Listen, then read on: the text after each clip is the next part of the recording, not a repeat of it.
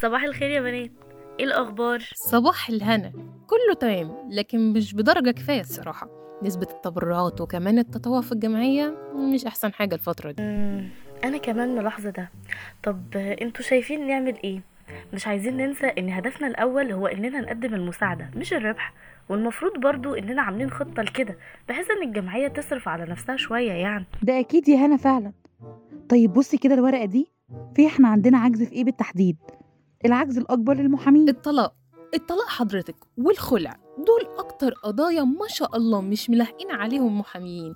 مش عارفة الرجالة حصل لها إيه. الستات ما بقتش قادرة تعيش معاهم خلاص. ما هو لو كل واحدة ترضى بعيشتها وتتجرد من طوب اللي قادرة على التحدي والمواجهة ما كانش ده بقى حل. لا بقى ما اسمحلكيش. الستات اللي عندنا اللي بيلجأوا الجمعيات زينا دول فعلا مفحوطين وشاربين المرار وساكتين. ولما طفح بيهم الكيل جم يتوسلوا لينا إحنا عشان نرحمهم من عيشتهم دي. وهو عشان بيسمعوا كلام الناس اللي عاملين نفسهم. بس بس انت وهي في إيه؟ هتقلبوها مرافعه ولا إيه؟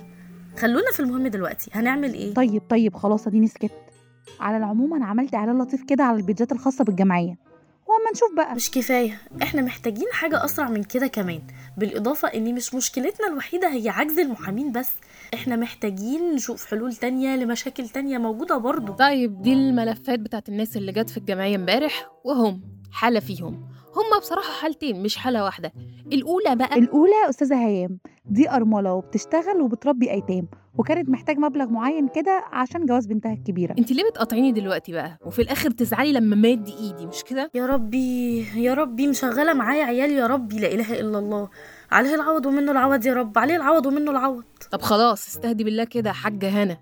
على فكرة بقى أنا ما كنتش هبدأ بالمشكلة بتاعت مدام هيام. كنت متوقعة عشان كده اتكلمت. أنا قلت برضو انت أكيد هتبدأي بقضية أستاذة سهيلة اللي رفع قضية طلاق. خلع مش طلاق. وبعدين انت عارفة دي حالتها إيه؟ إيه؟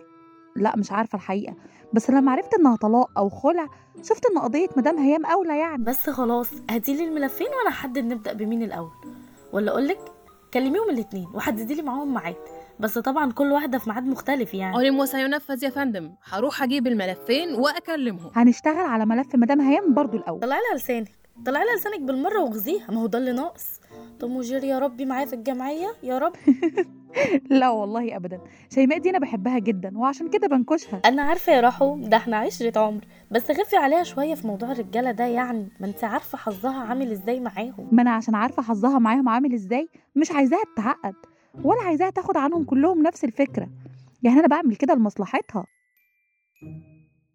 مرمر حبيبة قلبي اللي وحشتني. مادام قلت كده يبقى هببت حاجة صح؟ بس أنا كده فهمت. أبوك مش موافق إلا لما تخلص كلية. وأختك مش راضية تقنع أبوك علشان خاطر السنة اللي بتاخدها في سنتين. لو كمان الله الله الله. حيلك حيلك إيه ماسورة التخمينات اللي ضربت دي؟ طب عشان أطمنك مفيش حاجة من اللي في دماغك دي حصلت أصلا. لا ما تقولش. باباك وافق وهتيجي تخطبني أخيرا. لا أنت متفائلة بزيادة مش للدرجة دي. علي صوتك يا أحمد وقولي الحقيقة. أنت خلاص ما بقتش تحبني صح؟ يا دي النيل عليا. تاني يا مرمر نكد تاني. أنت ما شبعتيش من امبارح؟ أمال هطمنك ومش اللي في دماغك. ونيني نيني نيني نيني نيني نيني يا ستي هنا هتقنع أبويا هي وهتنحل إن شاء الله. هيوافق وأجي أخطبك. مرمر انت عارفة أنا بمر بإيه والدنيا عاملة معايا إزاي؟ انت أكتر حد فاهمني. أما بقى عن الكلية انت عارفة. لو أنا حطيتها في دماغي هخلصها. بس أنا أصلا ما كنتش بروح امتحن. عارفة. والله عارفة. بس محدش هيشوف كده خالص. كله هيشوف إنك متدلع وفلتان. وانت أكتر واحدة عارفة إن كل المشاريع اللي أنا عملتها دي كسبت منها كتير. وما بحس إني هخسر بفركش. بعدين يا أحمد هتفضل خايف من فشل أي مشروع تعمله لحد إمتى؟ لحد ما اعتمد مشروع اتحمل مكسب وخسارة. أنا كده كده واثقة فيك وأنت عارف ده كويس. أنا ما بقولك كده بس عشان خايفة عليك وكمان عايزة أبقى معاك. أسلوبي ده عارفة كويس إنه رخم. بس صدقني كل اللي بعمله خوف عليك يا أحمد. أنا عارف يا روحي إنك خايفة عليا. ربنا يديمك في حياتي يا دنيتي يخرب بيتك ميعاد المحاضرة عدى عليه عشر دقايق. يا نهار دي دكتور ما بتدخلش بعدها. بيت اللي ابتدى عليه تخرب ده بيتك على فكرة. ها؟ استني يا بت هوصلك. دايما بتبوظي كل لحظة رومانسية بميعاد المحاضرة كده. ها